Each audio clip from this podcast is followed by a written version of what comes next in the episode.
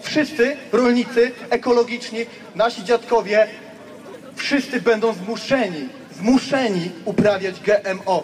Zmuszeni. Kropka. Jeżeli dzisiaj nie będziecie krzyczeć stop GMO, to jutro będziecie szczać z bólu od raka. Sadzić, hodować, nie patentować! Sadzić, hodować, nie patentować!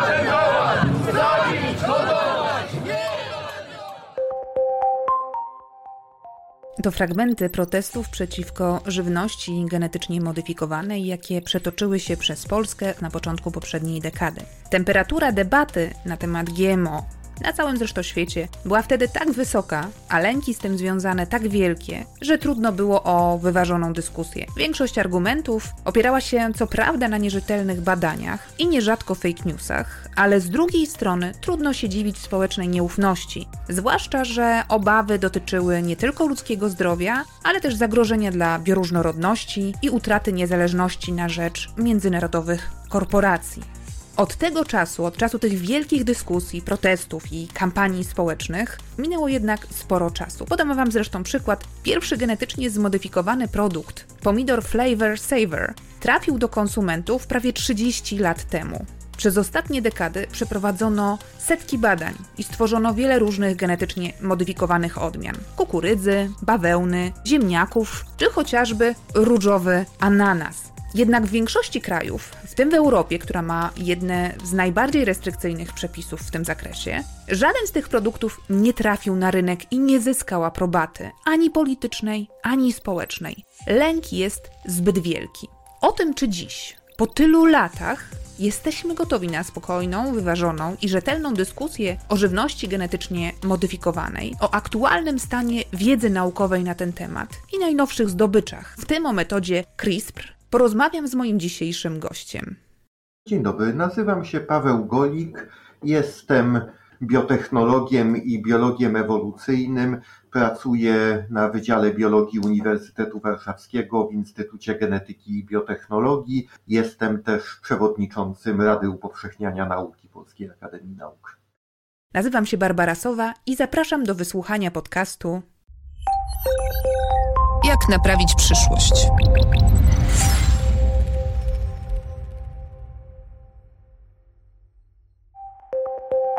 A pretekstów do dzisiejszej rozmowy jest kilka. Po pierwsze, jest nim oczywiście katastrofa klimatyczna i związane z tym zmiany, które już dziś wymuszają na nas poszukiwanie sposobów upraw roślin i odmian, które lepiej dostosują się do nowych warunków, na przykład będą odporniejsze na suszę.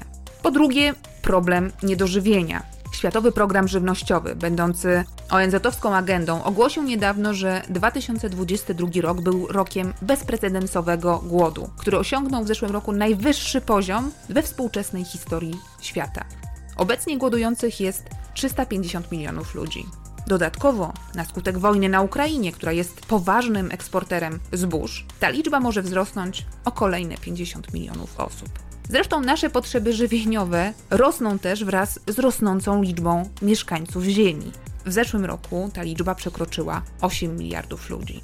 W tej sytuacji poszukiwanie sposobów na maksymalizowanie zbiorów, na zwiększanie efektywności upraw wydaje się konieczne, a to jest jednym z celów inżynierii i modyfikacji genetycznej. Po trzecie, i być może wbrew pozorom jest to jeden z najważniejszych czynników potencjalnej zmiany, na rynku pojawiają się produkty, które mają szansę zmienić wciąż mocno negatywne i nieufne spojrzenie konsumentów na produkty modyfikowane genetycznie. Chodzi o jedzenie ulepszone w taki sposób, by poprawiać ludzkie zdrowie. Na początku podcastu opowiadałam Wam o pomidorze Flavor Saver. To bardzo ciekawa historia. Ten pomidor był zdecydowanie trwalszy niż odmiany istniejące wtedy na rynku i dojrzalszy w smaku i początkowo nawet znalazł odbiorców. Co ciekawe, to jednak nie społeczna nieufność, która wtedy jeszcze była na bardzo niskim poziomie, ale biznesowe błędy kalifornijskiej firmy, która wyprodukowała tę odmianę, zadecydowały o fiasku całego przedsięwzięcia. Mówię o pomidorze i podaję ten przykład, bo w tym roku na amerykański rynek wchodzi inny genetycznie modyfikowany pomidor. Jego charakterystycznym wyróżnikiem jest fioletowy kolor. Dzięki inżynierii genetycznej jest on nie tylko trwalszy, ale jeszcze 10 razy bogatszy w przeciwutleniacze. Antocyjany, które są właśnie odpowiedzialne za fioletową barwę tego warzywa, to przeciwutleniacze znane ze swoich właściwości przeciwzapalnych, a także innych korzyści zdrowotnych, takich jak zmniejszanie ryzyka chorób sercowo-naczyniowych i cukrzycy. Co ciekawe, walka o zatwierdzenie fioletowych pomidorów trwała w USA aż 14 lat i w zeszłym roku nastąpił przełom. Departament Rolnictwa zatwierdził tę odmianę, stwierdzając, że jest ona bezpieczna dla zdrowia i można ją hodować w całych Stanach. Czy to jest jaskółka większego przełomu? Czy w świetle tych wszystkich informacji możemy w końcu rozpocząć rzetelną, spokojną, wyważoną dyskusję na temat GMO? Czy jesteśmy na to gotowi? Zadałam to pytanie mojemu dzisiejszemu gościowi, profesorowi Pawłowi Golikowi. Tak, jesteśmy gotowi i, a przynajmniej powinniśmy być gotowi w świecie idealnym, ale ogólnie jest tak i w bardzo wielu dziedzinach życia to obserwujemy, w bardzo wielu dyskusjach, że lęk jest bardzo łatwo wzbudzić, a bardzo trudno wygasić.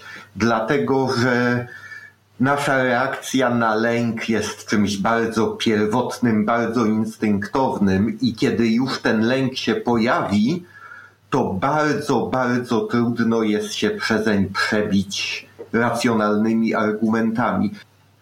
Niezależnie od tego, że od samego początku ta dyskusja nie była do końca prowadzona w sposób, yy, w sposób racjonalny, dlatego że tam część argumentów, duża część argumentów y, osób y, działających przeciwko organizmom modyfikowanym genetycznie, to były zwyczajne kłamstwa nie mające żadnego pokrycia w rzeczywistości. I to był typowy element znany z działalności ogólnie politycznej czy aktywistycznej, bo trzeba wprost powiedzieć, że to jest tak naprawdę też element polityki, kiedy celowo używa się dezinformacji w sprawie, którą uważa się za słuszną. Yy, ale niezależnie od tego, że to już wtedy to, co mówiono, że od jedzenia modyfikowanych genetycznie roślin, nie wiem, wyrosną nam y, dodatkowe kończyny, zmienimy się w potwory Frankensteina, czy też wszyscy zachorujemy na raka, to, y, to już wtedy było wiadomo, że, były, że to były bzdury. Natomiast pod jednym bardzo ważnym dla tej dyskusji aspektem krajobraz obecnie a już zwłaszcza w ostatniej dekadzie, jest radykalnie odmienny od tego, z czym mieliśmy do czynienia na przełomie XX i XXI wieku. Co ma Pan na myśli? Mhm. Co mam na myśli? Dlatego, że tak naprawdę yy, jedyną obawą, to do której można było podchodzić i dyskutować o niej poważnie, bo jak już mówiłem, te wszystkie historie, że umrzemy od tego, że dostaniemy raka, że zmutowane rośliny opanują ziemię, to, to wszystko jest y, kiepskie science fiction klasy B albo i niższej. Natomiast tam były obawy, na ile wykorzystanie technik y, nowoczesnej biotechnologii w rolnictwie, w produkcji żywności spowoduje przejęcie kontroli nad właśnie tym krytycznym dla ludzkości y, procesem przez wielkie korporacje, przez ten najbardziej agresywny kapitalizm. Tutaj też takie trochę nieszczęście y, z historycznego zbiegu okoliczności, że początki inżynierii genetycznej y, w modyfikacjach roślin y, uprawnych, czyli tak naprawdę lata 80. i 90., to jednocześnie najbardziej agresywny neoliberalizm pod, spod znaku Reagana czy Thatcher i związane z tym obawy społeczne. To się wszystko dosyć niefortunnie splotło w czasie. I o ile rzeczywiście w latach 90 było tak, że wytworzenie nowej transgenicznej odmiany to było coś, na co mogła sobie pozwolić wielka korporacja. Takie Monsanto, które było takim stranszakiem. Monsanto nie było akurat jakąś y, szczególnie wielką korporacją. Monsanto y, y, obecnie już nieistniejące, przejęte przez Bayera, było tak naprawdę średniej wielkości korporacją, o tym zresztą Ale stało się taką, takim straszakiem, prawda? sta, stało, się, stało się takim symbolem, ale rzeczywiście to też działo się we współpracy z instytucjami naukowymi yy, no, światowych supermocarstw yy, Stanów Zjednoczonych, może Wielkiej Brytanii, yy, Niemiec i tak dalej. Natomiast przez te dekady ta technika niesłychanie poszła do przodu. I tak jak na przykład obserwowaliśmy to w świecie komputerów, gdzie też na przykład ja pamiętam, że komputery klasy IBM PC, zwyczajne pecety na początku lat 90. nie mogły być importowane do Polski bez zgody Departamentu Obrony Stanów Zjednoczonych jako niesłychanie wrażliwa technologia. Dzisiaj o wiele potężniejszy procesor mogę kupić za kilk, równowartość kilku dolarów w maleńkiej płytce, którą mogę sobie w domu lutować i, i konstruować na tym różne rzeczy. Tak bardzo ta technologia się zdemokratyzowała. Podobnie jest w inżynierii genetycznej, zwłaszcza w mniej więcej ostatnich 10 latach po wynalezieniu technik tak, tak zwanego redagowania genomu które są taką nową generacją modyfikacji genetycznych. To są te techniki, za które w 2020 roku Emmanuel Charpentier i Jennifer Doudna otrzymały Nagrodę Nobla. To ja tylko wejdę w słowo, żeby powiedzieć, że w opisie podcastu podlinkuję. Mieliśmy w piśmie znakomity tekst o e, technologii CRISPR-Cas, więc jeśli ktoś będzie chciał troszkę więcej się dowiedzieć, na czym polega e, e, ten przełom, to, to, to, to odeślemy. Y, ten przełom jest nie tylko przełomem technicznym, ale też i on dał to, zresztą to już było wcześniej, ale on przypieczętował. To, że to już nie jest coś, na co mogą sobie pozwolić najwięksi i najbogatsi gracze. Roślinę zmodyfikowaną genetycznie, czy to za pomocą redagowania genomu, czy za pomocą tych wcześniejszych technik, bez problemu przygotuje i to się zresztą działo.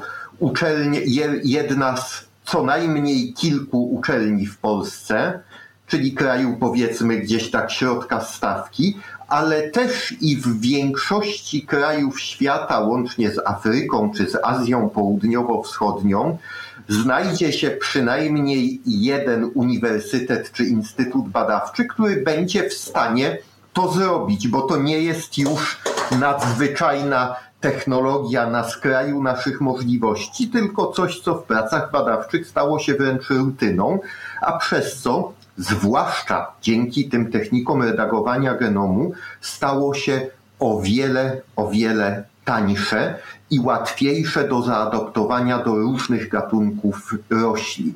I w związku z tym teraz by się należało zastanowić, właśnie wychodząc z tej perspektywy obaw i sceptycyzmu wobec wielkich korporacji, czy przypadkiem bardzo silny opór prawno-biurokratyczny przeciwko tym modyfikacjom, na przykład taki, jaki jest w Unii Europejskiej, gdzie w 2018 roku uznano, że techniki redagowania genomu muszą podlegać tym samym ograniczeniom prawnym, co wcześniejsze techniki modyfikacji y, i trans, transgenezy roślin i zwierząt.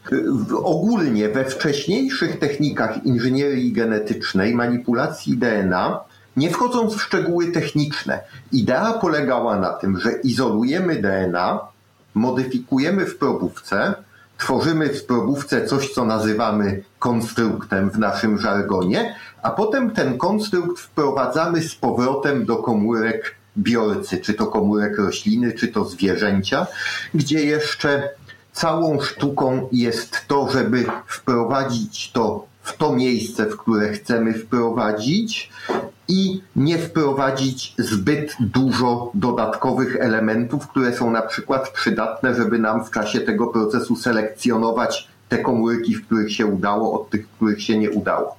Przy redagowaniu genomu tego nie musimy robić. tam zmiana dokonuje się bezpośrednio w DNA. Nie wyciągamy, nie zmieniamy i nie wrzucamy z powrotem, tylko robimy, robimy na miejscu, bez tego wycinania i wklejania z powrotem. Dzięki temu to jest o tyle prostsze i, yy, i, i, i o, tyle, o tyle tańsze.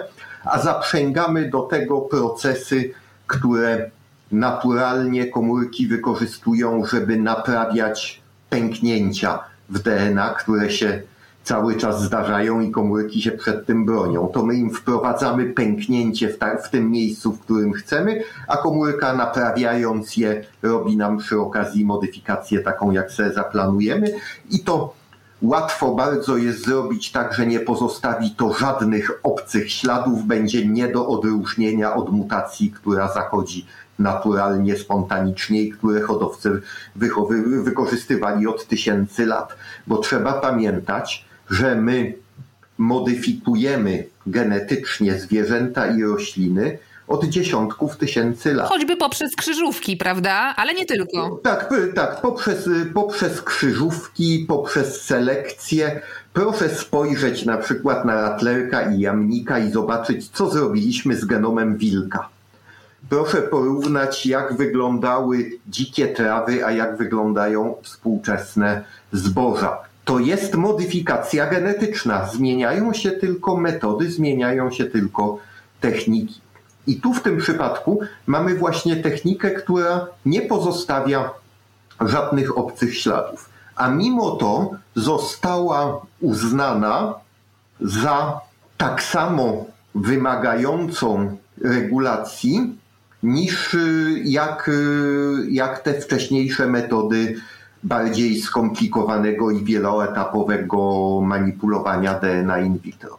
I tu właśnie bierze się moim zdaniem podstawowy problem, dlatego że te przeszkody w takich miejscach jak Unia Europejska są tak silne, że praktycznie zupełnie odstraszają od innowacji w tę stronę, dlatego że uzyskanie niezbędnych pozwoleń, do tego jeszcze przy nieustannych atakach ze strony grup aktywistycznych, powoduje, że nikomu nie będzie się to opłacać, a jeżeli kom, a, a tym bardziej nie będzie się to opłacać niewielkim graczom, startupom, czy też na przykład podmiotom publicznym, działającym nie dla zysku, takim jak na przykład instytuty badawcze, które mogłyby to opracowywać i, i wdrażać i udostępniać w sposób prawda, publiczny, a nie podlegający tylko i wyłącznie regule zysku,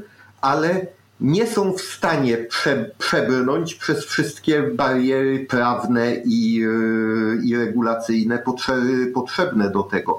I czy w tym momencie to nie faworyzuje tych wielkich ponadnarodowych korporacji, które w takiej sytuacji po prostu przeniosą uprawę do Chin, do yy, jakiegoś kraju Ameryki Południowej, gdziekolwiek, gdzie będą mogły poza yy, regulacjami to robić. To też na przykład spowoduje, bardzo utrudni życie producentom żywności z krajów rozwijających się, dla których handel z Unią Europejską może być ważnym źródłem dochodu, bo w tym momencie oni nie sprzedadzą takich roślin i takiej żywności odbiorcom z Unii Europejskiej.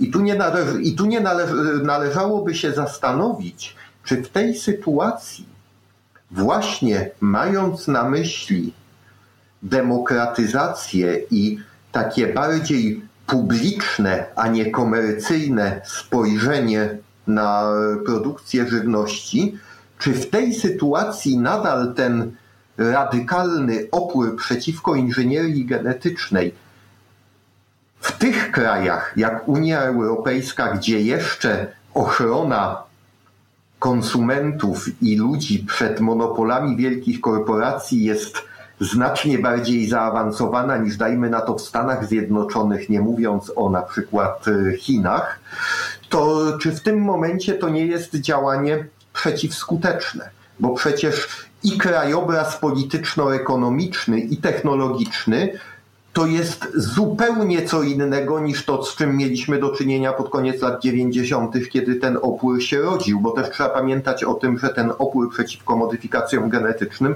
to nie jest coś, co od samego początku im towarzyszyło. To jest coś, co zostało rozpętane przez kilka kampanii, kilku organizacji y, pozarządowych ładnych parę lat po, po opracowaniu pierwszych tego, pierwszych tego, pierwszych tego, ty, tego typu odmian.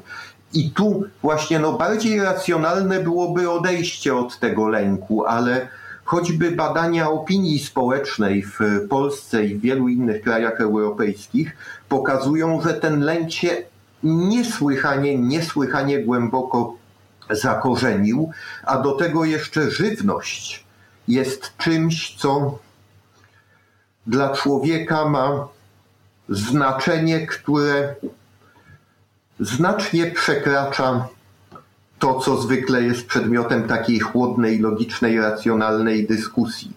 Proszę zwrócić uwagę, jak bardzo ważne są pokarmy w różnego rodzaju religiach, gdzie praktycznie każda religia będzie miała zalecenie, że na przykład w dany dzień tygodnia danego pokarmu nie należy spożywać, albo na przykład jest wielki post, kiedy w ogóle pewnych rzeczy się nie spożywa. Inne religie w ogóle odrzucają y, konkretne grupy pokarmów, y, prawda, czy to w y, judaizmie, czy to, czy to w islamie.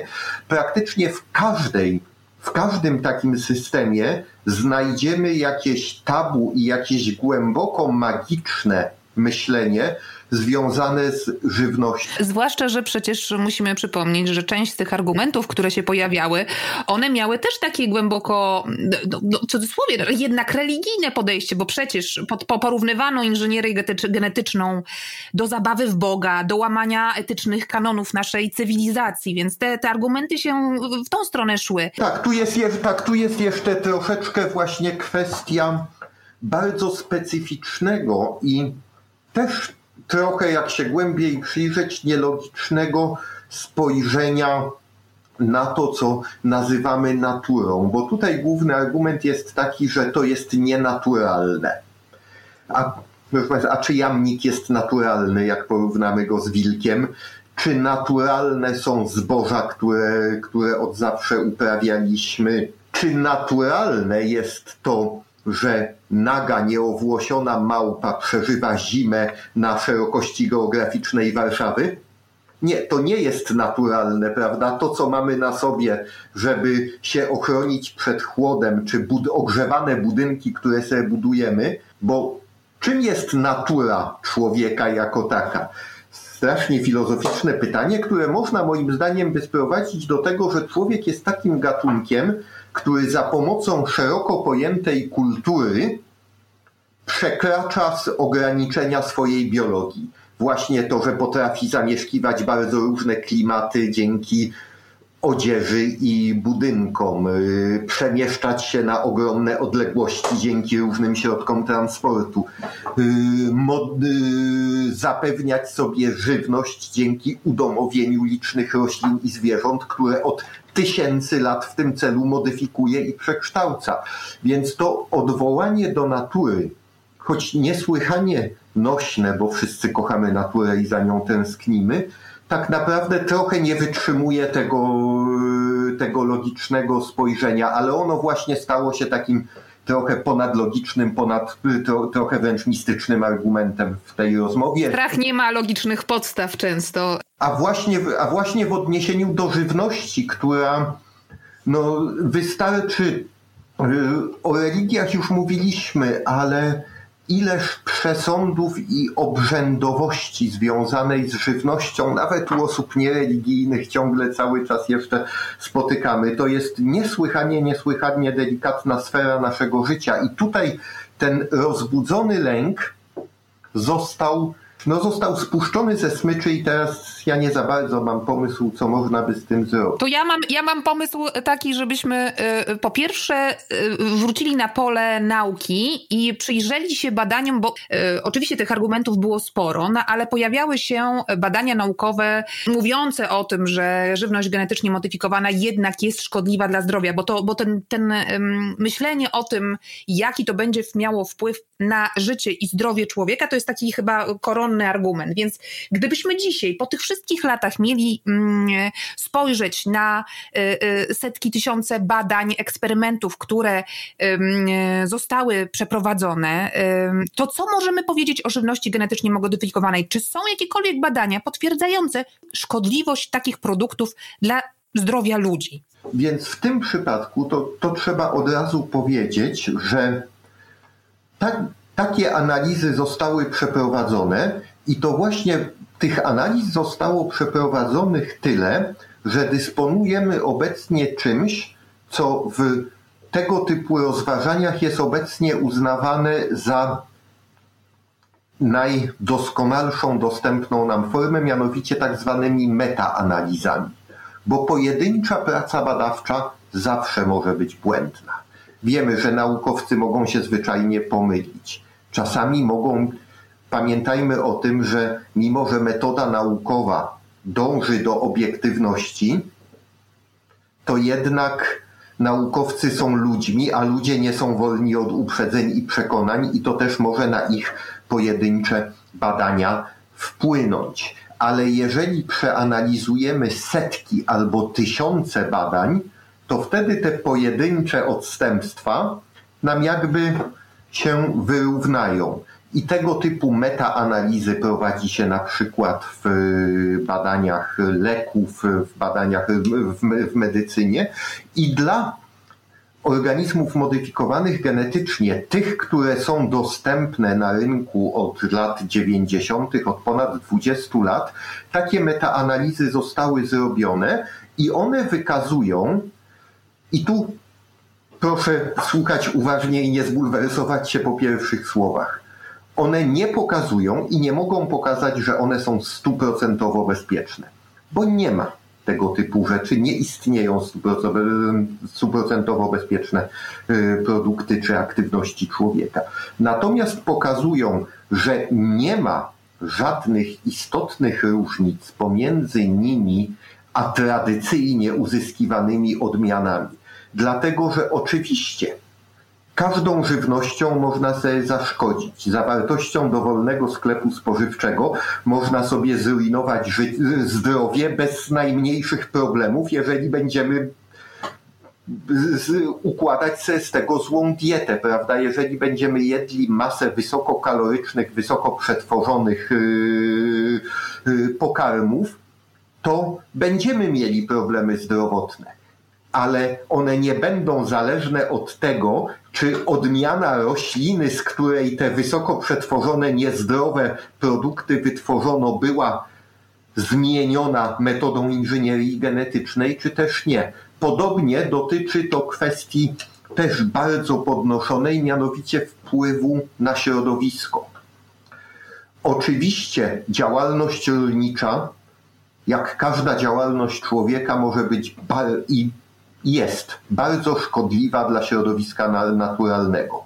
Monokulturowe, wielkopowierzchniowe uprawy redukują bioróżnorodność, e, niszczą glebę i tak dalej. Tutaj były takie argumenty podnoszone, że te rośliny genetycznie modyfikowane, mówiąc kolokwialnie, takie dokokszone, one będą, one staną się jak na przykład no, gatunki inwazyjne, będą się panoszyć w środowisku i takie stanowić zagrożenie, jak no nie przymierzając barszcz sosnowskiego. Tutaj to się nie sprawdza, ale może od razu sobie powiemy, że każda odmiana rośliny, czy to modyfikowana metodami inżynierii genetycznej, czy modyfikowana metodami tradycyjnymi, bo umówmy się, że modyfikowanych w uprawach, niemodyfikowanych w uprawach nie ma, jest tylko kwestia, jakimi metodami były modyfikowane.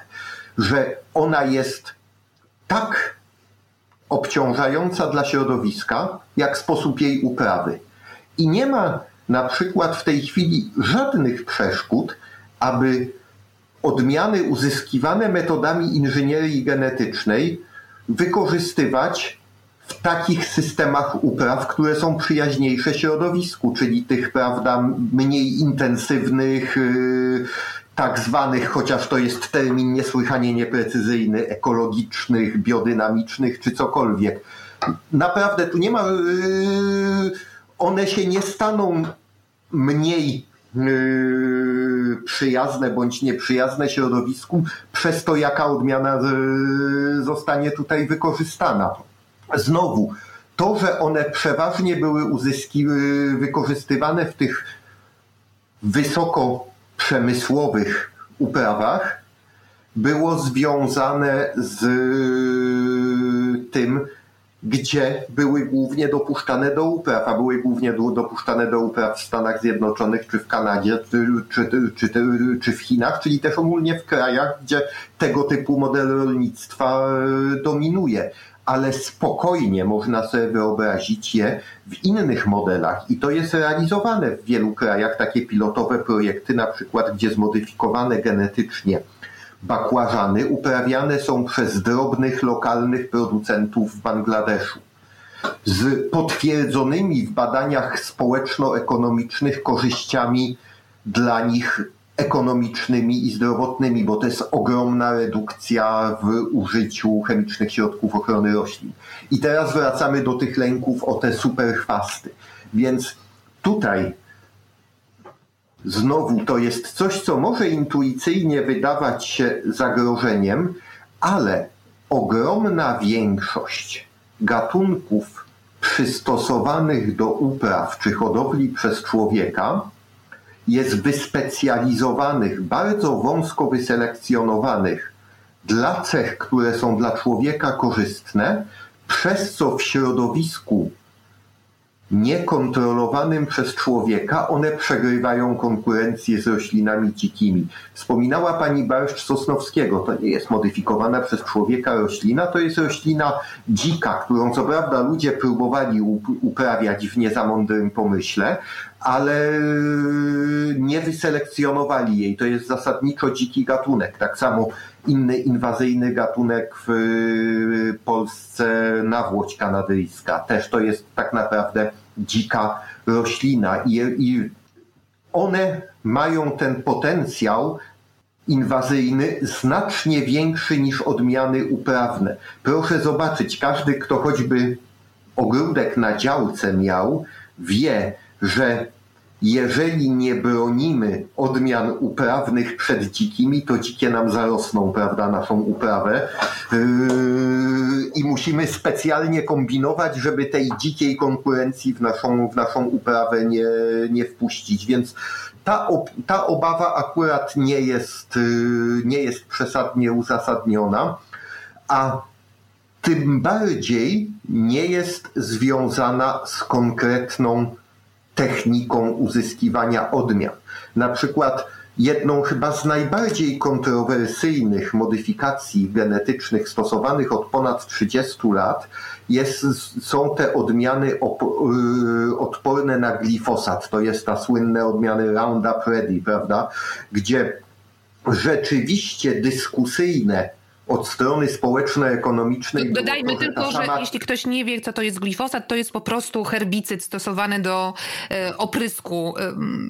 Tak, jest to skądinąd herbicyd, który mimo, że w Polsce nie uprawia się roślin GMO, dostaniemy w każdym sklepie ogrodniczym, czy to w postaci generycznej, czy to w postaci osławionego Roundup oryginalnie produkowanego przez Monsanto, dlatego że dodajmy, że patent na jedno i drugie już wygasł zarówno na modyfikację genetyczną, jak i na, e, jak i, jak i na herbicyd.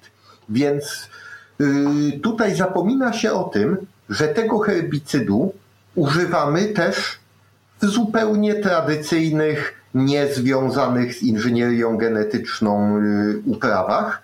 Co więcej, istnieją odmiany roślin odporne na ten herbicyd, uzyskane tradycyjnymi metodami krzyżówek.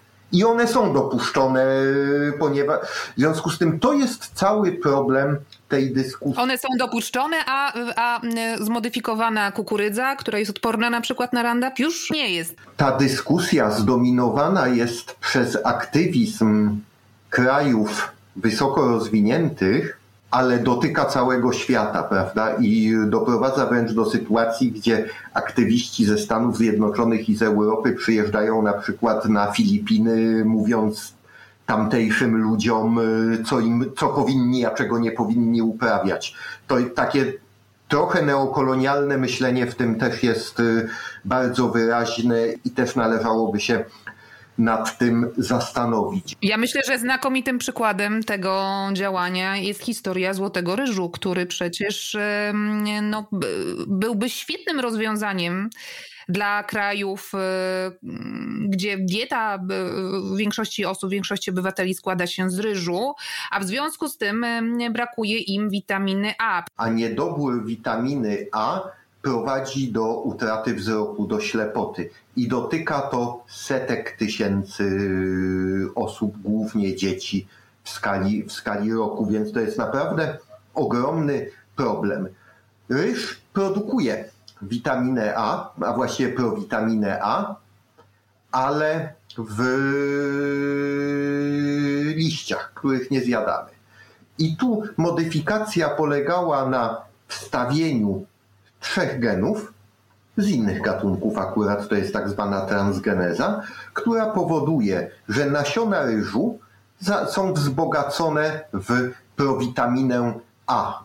I w związku z tym taki ryż będzie źródłem prowitaminy A w diecie. I znowu wypowiedzi aktywistów z bogatych krajów, że to w takim razie niech jedzą świeże warzywa i świeże marchewki, w realiach yy, tych ludzi no, świadczą o pewnym odklejeniu od rzeczywistości. Brzmią trochę jak e, wypowiedź e, francuskiego Marii Antoniny, tak? O, o, jedzeniu ciastek zamiast chleba. Będąca zresztą najprawdopodobniej legendą, a nie, a nie historią, ale jak to też się mawia, nawet jeśli nieprawda, to ładnie wymyślone, więc... Ile czasu Złoty Ryż czekał? Znaczy, kiedy on został, kiedy została ta modyfikacja wymyślona? To jest około 20, to jest około 20 lat i tu od początku ponieważ badacze głównie ze Szwajcarii i z Niemiec, którzy, którzy tę odmianę stworzyli, od początku planowali, że ona w tych krajach, gdzie miałaby rozwiązywać problem niedoboru witaminy A, będzie udostępniana rolnikom za darmo, bez żadnych opłat za własności intelektualne i tak. Plan był taki, żeby w bogatych krajach europejskich czy w Stanach Zjednoczonych sprzedawać to jako tak zwaną żywność funkcjonalną, czyli żywność o własnościach antyoksydacyjnych, które mogą być prozdrowotne yy, i tak dalej. Czy by to działało naprawdę, czy nie, yy, trudno powiedzieć, ale wiadomo, że takie rzeczy się dobrze sprzedają. Natomiast od początku była idea, że dla tych uboższych ludzi to ma być dostępne, yy, dostępne za darmo.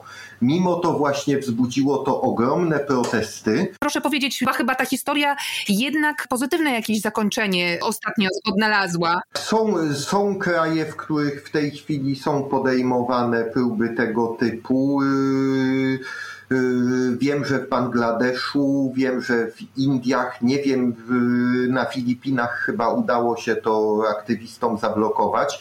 Tu też znowu taka może anegdota, ale obrazująca problem, o którym mówię.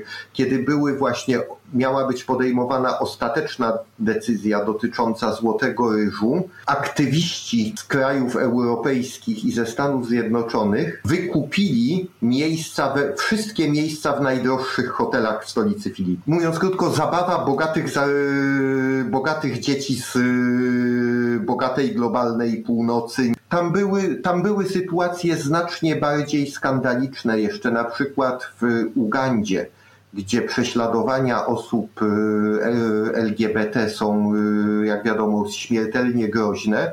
Aktywiści rozpowiadali, że od jedzenia modyfikowanej genetycznie kukurydzy synowie farmerów zostaną gejami nie jestem w stanie uwierzyć w to, że osoba, która te plotki rozpuszczała, w nie tak naprawdę wierzy. To było stosowanie fake newsów jako broni. Obecnie podobną modyfikację jak ta, która związana i funkcjonuje w Złotym Ryżu, wprowadza się też do, wprowadza się też do kukurydzy. Czyli próbujemy już inne rośliny o, o, te, o, o tego typu właściwościach robić. Ogólnie te rośliny jakby o wzmocnionych właściwościach prozdrowotnych to jest jeden z y, ciekawych wątków y, tutaj to jest ten wątek, ten argument, który może e, zmniejszyć lęk albo tych e, może nieprzekonanych przekonać. Bo tych badań teraz prowadzi się sporo, prawda? Jest próba stworzenia ziemniaka, który nie będzie miał, który nie będzie się w smażeniu i przygotowaniu w postaci frytek, nie będzie wytwarzał tego akrylomidu, prawda? Takie ziemniaki już są. To jest, to jest stosunkowo proste. Są też pewne rośliny, które Y, wytwarzają czasami mniejsze, czasami większe ilości y, substancji toksycznych. Zwykle ich stężenia są na tyle małe, że to nie szkodzi, ale na przykład wszyscy wiemy prawda, o pestkach niektórych owoców, które zawierają pewne ilości y, cyjanowodoru. Ryż ma ten problem, że bardzo chętnie pobiera z, z, zanieczyszczonej gleby metale, takie jak nikiel i kadm. Jeżeli gleba jest zanieczyszczona kadmem, niklem czy arsenem, to ryż pobiera to i, a, i one się w tym akumulują. Można to pobieranie zablokować. I takie badania też są obecnie prowadzone. Z tym, że znowu tutaj problem polega na tym, że no bardzo trudno się prowadzi tego typu badania, kiedy wiemy, że i tak nam nie pozwolą tego, e, tego wprowadzać. To najtwardszych entuzjastów zniechęca. Stąd na przykład yy, duży, największe postępy dzieją się nie w tych krajach, które tradycyjnie kojarzymy z rozwojem nauki, czyli z Europą, czy nawet Stanami Zjednoczonymi, ale na przykład w Indiach, w Chinach Chiny bardzo mocno e, inwestują w e, biotechnologię rolniczą. Indie też coraz bardziej, ale, ale też i kraje afrykańskie. Dziesięcioletni zakaz e, uprawy roślin modyfikowanych genetycznie niedawno odwołała, cofnęła Kenia w zeszłym roku, o ile dobrze pamiętam, więc to też pokazuje, pokazuje że może do nas to dojdzie za przykładem innych krajów. Tu zresztą trzeba sobie wprost powiedzieć, że dla nas, dla sytej Europy, przynajmniej na razie to nie jest jeszcze sprawa życia i śmierci. Ale już chciałam przypomnieć, że w zeszłym roku, jak były bardzo poważne susze, y, to Włochy na forum unijnym y, zaczęły domagać się być może jakiegoś y, zliberalizowania tej polityki w stosunku do genetycznych modyfikacji. Teraz dzieją się rzeczy, które powinny nas skłonić i może skłonią do przyjrzenia się z powrotem biotechnologii w rolnictwie troszeczkę przez analogię, zresztą bardzo podobna historia pod wieloma względami, jak yy, katastrofa klimatyczna skłania wiele osób do przemyślenia stanowiska wobec energetyki jądrowej, gdzie już ten modny jeszcze kilkanaście lat temu radykalny sprzeciw troszeczkę w niektórych miejscach, niestety nie we wszystkich, zaczyna słabnąć, kiedy się bierze pod uwagę, że zanim dojdziemy do ideału całkowicie odzyskiwalnych źródeł energii 100%, prawda, z wiatru i ze słońca, już teraz mamy działającą technologię, która jest praktycznie bez, bezemisyjna.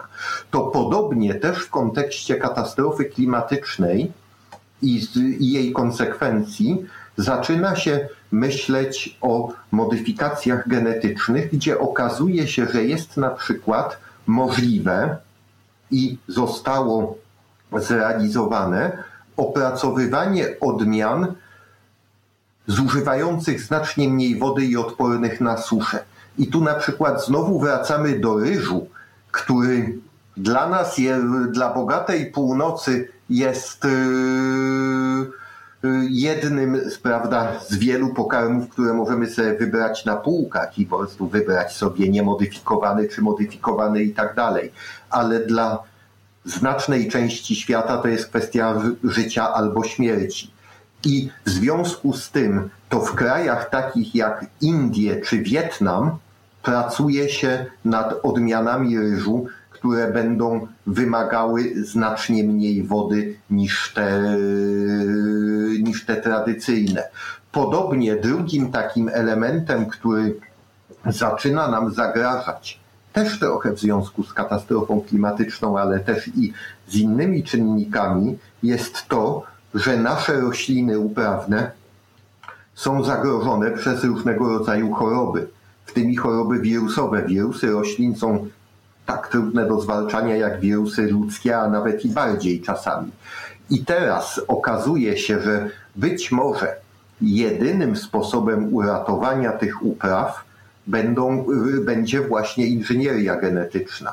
Na małą skalę przykład tego mieliśmy jeszcze w XX wieku, kiedy inżynieria genetyczna uratowała uprawy papai na archipelagu hawajskim. Dla nas egzotyka, ale tam sporo rolników żyło tylko i wyłącznie z, z tego. I tu właśnie był przykład tego, jak to może działać bez tego aspektu komercyjnego, dlatego że tam te technologia została udostępniona przez jeden z amerykańskich uniwersytetów, po prostu w ramach tego, co uniwersytety powinny robić, prawda? Badania naukowe finansowane przez społeczeństwo służą dla społeczeństwa, a nie i tym się różnią od badań prowadzonych przez firmy prywatne, które służą zyskom firm prywatnych. To im więcej przeniesiemy ciężar z firm prywatnych na akademie, na publiczne e, instytucje badawcze, tym bardziej oddalimy od siebie ten problem komercjalizacji który, i, i te obawy, które, które, które zawsze temu towarzyszą. Teraz na przykład wiemy, że choroby wirusowe ogromnie zagrażają plantacjom bananów. Tak, tu jest ten problem, że banany rozmnażają się tylko i wyłącznie wegetatywnie przez kłącza. Proszę zobaczyć, kiedy jemy banany, nie ma tam nasion, prawda? To jest tak wyhodowana przez człowieka odmiana. Dzikie, nieudomowione banany miały nasiona. Twarde zęby sobie można na tym połamać. Ale przez to, że one tych nasion nie wytwarzają, one wszystkie są genetycznie niejako klonami. W związku z tym, jak wirus się przystosuje do jednego, to zniszczy całą plantację. I teraz inżynieria genetyczna może być jedynym sposobem yy, uratowania tych, yy, uratowania tych plantacji. Podobnie też dla niektórych chorób ziemniaka mamy, yy, mamy próby wykorzystania inżynierii genetycznej. Na razie to jest w fazie bardziej eksperymentalnej, ale no, widać, że technika jako taka działa i jest, y, jest bardzo, y, bardzo obiecująca. To, co mówiłem o, kata o, o katastrofie klimatycznej, że tak dotknie nas susza, oczywiście. Z tym, że tak w krajach bogatych przynajmniej na razie bogatych, to będzie wyglądało tak, że będzie to klęska dla lokalnych rolników, ale będzie te kraje stać na sprowadzenie tej żywności z innych krajów, na import, prawda? Natomiast dla ogromnej większości świata to już teraz jest kwestia życia i śmierci.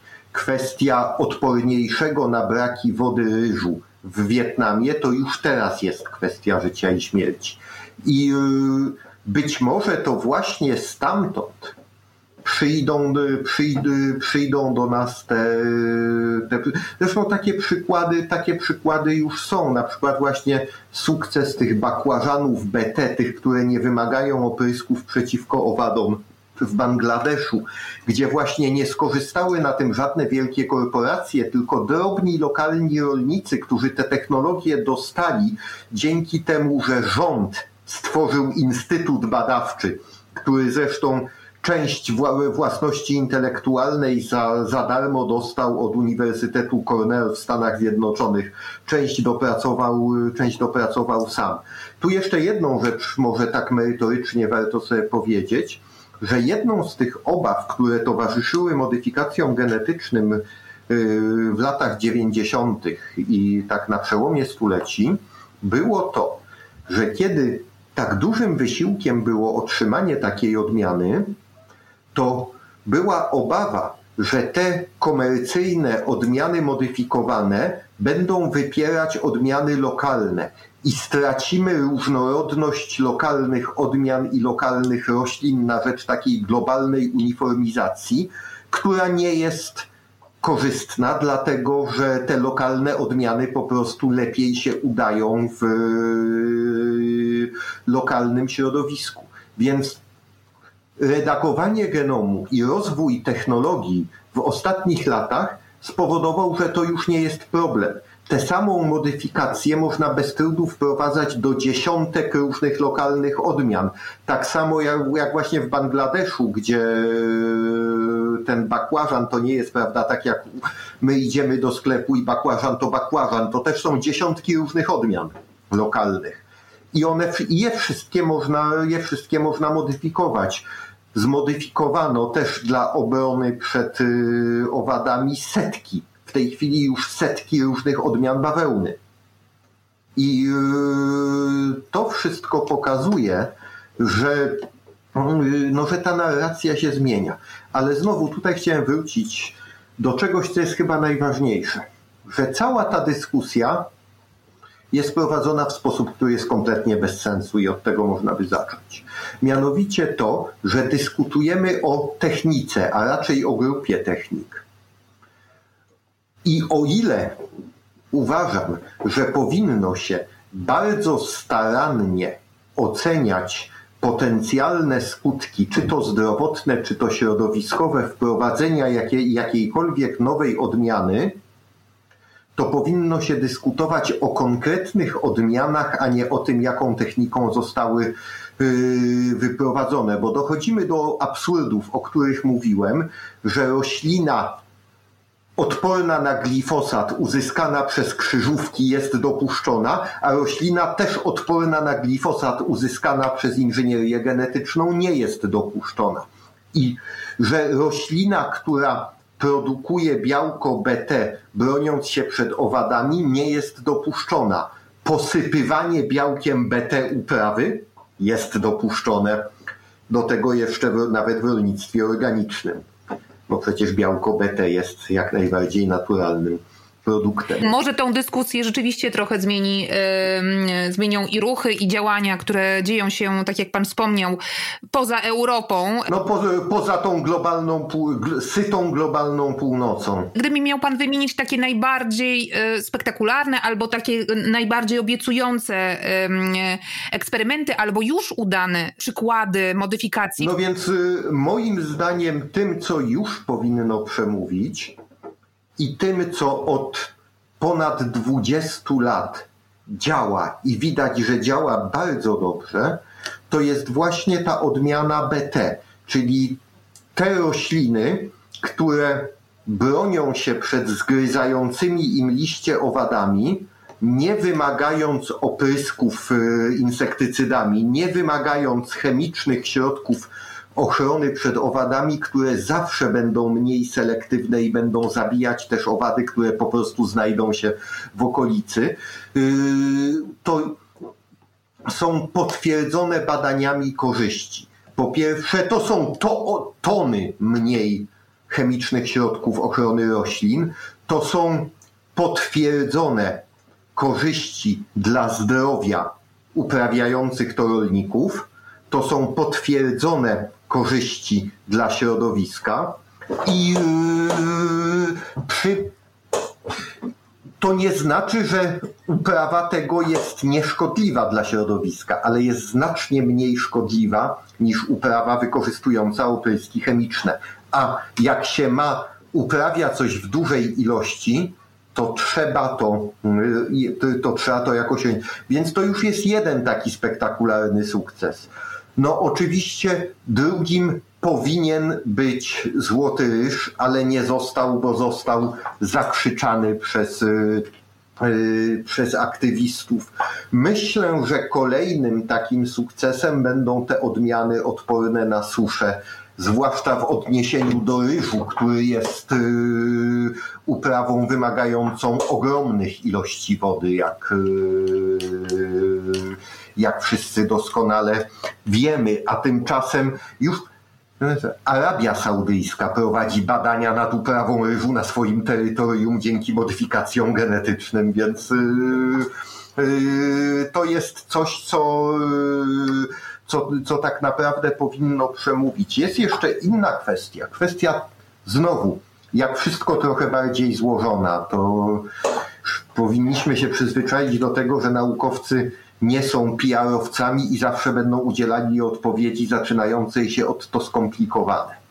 Otóż inną taką w tej chwili dosyć mocno eksplorowaną yy, możliwością jest manipulowanie procesem fotosyntezy w taki sposób, aby rośliny miały znacznie wydajniejszą fotosyntezę, a przez to znacznie wydajniejszy wzrost, szczególnie w warunkach wysokich temperatur i dużego nasłonecznienia.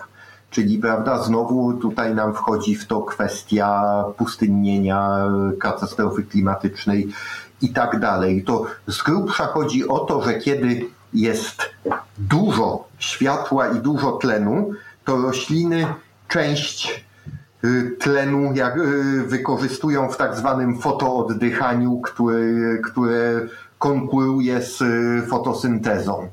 I w tym przypadku możemy takie coś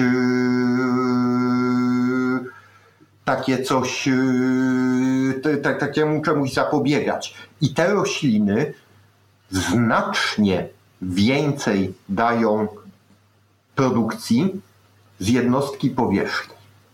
I tu mamy w tym momencie dyskusję bardzo poważną na gruncie ekologii dotyczącą tego, w jaki sposób godzić rolnictwo ze środowiskiem. To są dwie strategie, które po angielsku nazywają się land sharing i land sparing.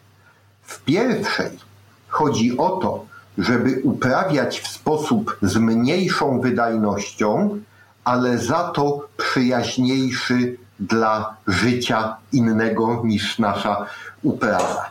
Czyli yy, mniej nawozów, yy, więcej przestrzeni też dla dzikich roślin i zwierząt wśród naszych pól i tak dalej. A drugi? Drugi pomysł land sparing, czyli oszczędność ziemi, polega na tym, żeby przeciwnie zrobić dzięki technologii maksymalnie dużą wydajność, jaką możemy uzyskać, co nam pozwoli na uzyskanie tej samej ilości produktu z mniejszej powierzchni. I wtedy zaoszczędzoną powierzchnię możemy oddać przyrodzie, na przykład na rezerwaty. Albo po prostu przestać tu, wycinać lasy. E, tak, e, tak, i tak. I tu, to za, I tu to wszystko bardzo zależy. Tu nie ma jednej prostej odpowiedzi, że jedna strategia jest lepsza, inna jest gorsza.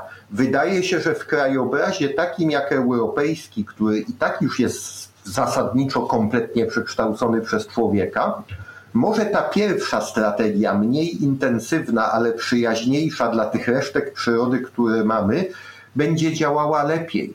Z kolei dla krajów rozwijających się, które są jednocześnie krajami o niesłychanie cennej bioróżnorodności, na przykład kraje okołorównikowe, to tam z kolei może lepiej uprawy skoncentrować na jak najmniejszej powierzchni, żeby nie ruszać tego cennego, co tam jeszcze zostało. Ale tu znowu wchodzi jeszcze jedna rzecz. Ta metoda zwiększania wydajności daje oczywiście pokusę, że skoro mamy większą wydajność, to produkujmy jeszcze więcej dla jeszcze większej liczby ludzi, dla je, w imię jeszcze większego wzrostu. No ale tutaj dochodzimy do. Umówmy, tak, umówmy się, że jeżeli będziemy cały czas funkcjonować w idei, że dobry i pożądany jest ciągły wzrost, no to w końcu planeta nam się skończy. Metodami naukowymi możemy odwlec ten moment, ale, je, ale mu nie zapobiegniemy. Natomiast jeżeli połączymy siły nauki z ideą spowolnienia czy zahamowania wzrostu i bardziej zrównoważonej gospodarki zasobami, to wtedy osiągniemy znacznie większe korzyści niż gdybyśmy te same idee wprowadzali w życie bez pomocy nauki. To jest y, i tu znowu, to nie jest coś, co jest przypisane konkretnej metodzie uzyskiwania odmian. To jest przypisane odpowiedniemu sposobowi myślenia o gospodarce, o środowisku i o polityce. To one zadecydują o tym, czy możliwości, które nam daje nauka, wykorzystamy dla dobra, czy tylko i wyłącznie dla zysku górnego procenta najbogatszych. I y, naprawdę to nie zależy od tego, jaką metodą się uzyskuje rośliny uprawne, tylko od całego otoczenia społeczno-ekonomicznego. I dlatego moim zdaniem właśnie tak należy zadbać o to, żeby jednak nie odpuścić.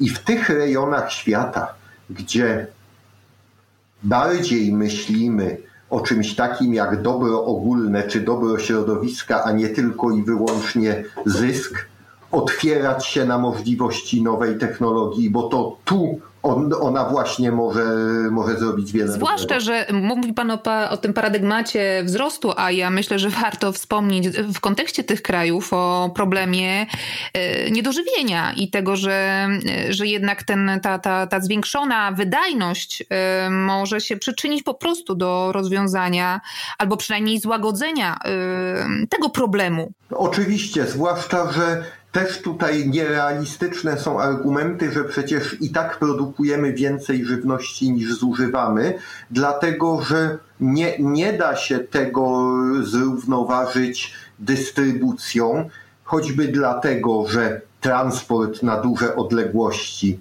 obciąża środowisko, wiadomo. A po drugie, to też jest to, że musimy myśleć o tym, jaka żywność jest tradycyjnie, kulturowo ceniona i, yy, i aprobowana przez różne społeczności. Z tego powiedzmy, że nie wiem, w Europie, no teraz może nie, ale kiedy mam nadzieję jak najszybciej skończy się inwazja na Ukrainę i Ukraina znowu zacznie yy, wykorzystywać swój potencjał produkcji zboża, pszenicy, którym mogłaby wykarmić pół świata, to nie znaczy jeszcze, że pół świata ma jeść pszenicę, kiedy nie jest to coś, co w ich diecie i w ich kulturze jest, yy, jest tym, na, na co mają ochotę. To musimy szanować różnorodność i raczej szukać możliwości zwiększenia wydajności produkcji żywności tam, na miejscu. A to możemy osiągnąć yy, między innymi dzięki odmianom odpornym na suszę, tam gdzie susza jest bardzo groźna, a wiemy, że na przykład duża część Afryki w zasadzie regularnie boryka się z suszami. Coraz bardziej zaczynają problemy suszy dotyczyć też krajów Azji Południowo-Wschodniej, czyli tam, gdzie uprawia się ryż, prawda, i no nie przestawimy ich na pszenicę z Europy, tylko raczej będziemy myśleć o tym, jak w warunkach katastrofy klimatycznej uratować uprawy ryżu, a bez nowoczesnej nowoczesnego, naukowego podejścia tego nie zrobimy. Na koniec, panie profesorze, chciałabym y, zapytać pana i trochę poprosić o takie futuryzowanie, bo ja w swoim podcaście zawsze staram się namówić moich rozmówców do tego, żeby się myślą przenieśli do 2050 roku i zastanowili się, jak dany problem będzie wyglądał za te 30 lat. No właśnie, i czy, czy żywność modyfikowana genetycznie będzie wtedy standardem? Więc chciałbym być tutaj optymistą, ale niestety nie jestem. Uważam, że jeżeli przekonamy się do żywności modyfikowanej genetycznie, to będzie to w następstwie jakiejś naprawdę tragicznej klęski, z której owa żywność modyfikowana genetycznie nas wyciągnie. Że my jako, wiem, że przysłowie mówi tu o Polakach, ale my jako gatunek jesteśmy mądrzy po szkodzie z reguły i że dopiero kiedy natura i yy, zwłaszcza klęska klimatyczna przystawi nam ten pistolet do głowy, wtedy sięgniemy do, yy, do modyfikacji genetycznych. Troszkę podobnie jak teraz jest to z energetyką atomową, która przecież gdyby nie została kompletnie zahamowana, to problemu emisji CO2 w takiej skali, w jakiej mamy teraz, byśmy obecnie nie mieli i mieli komfort spokojnej pracy nad yy, yy, innymi jeszcze bezpieczniejszymi i, yy, i, jeszcze mniej obciążającymi środowisko yy, źródłami energii teraz wracamy do niej mając ten y, klimatyczny pistolet przy, przy głowie i obawiam się, że podobnie będzie z żywnością modyfikowaną genetycznie, że dopiero wtedy, kiedy będzie alternatywa albo ona, albo głód, y, do niej się przekonamy. Podczas gdy oczywiście warto by wcześniej. Ale lęk ma to do siebie, że jego jest bardzo łatwo wzbudzić, a niesłychanie trudno wygasić. Dzięki wielkie za rozmowę. Bardzo dziękuję. Jak naprawić przyszłość?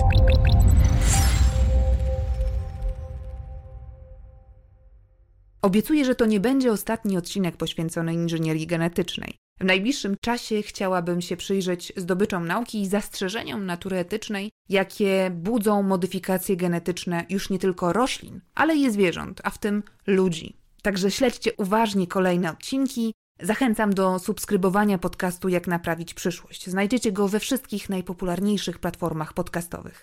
Jeśli macie jakieś pytania, to piszcie do mnie śmiało na adres barbara.sowa małpamagazynpismo.pl. Trzymajcie się ciepło i do usłyszenia za miesiąc.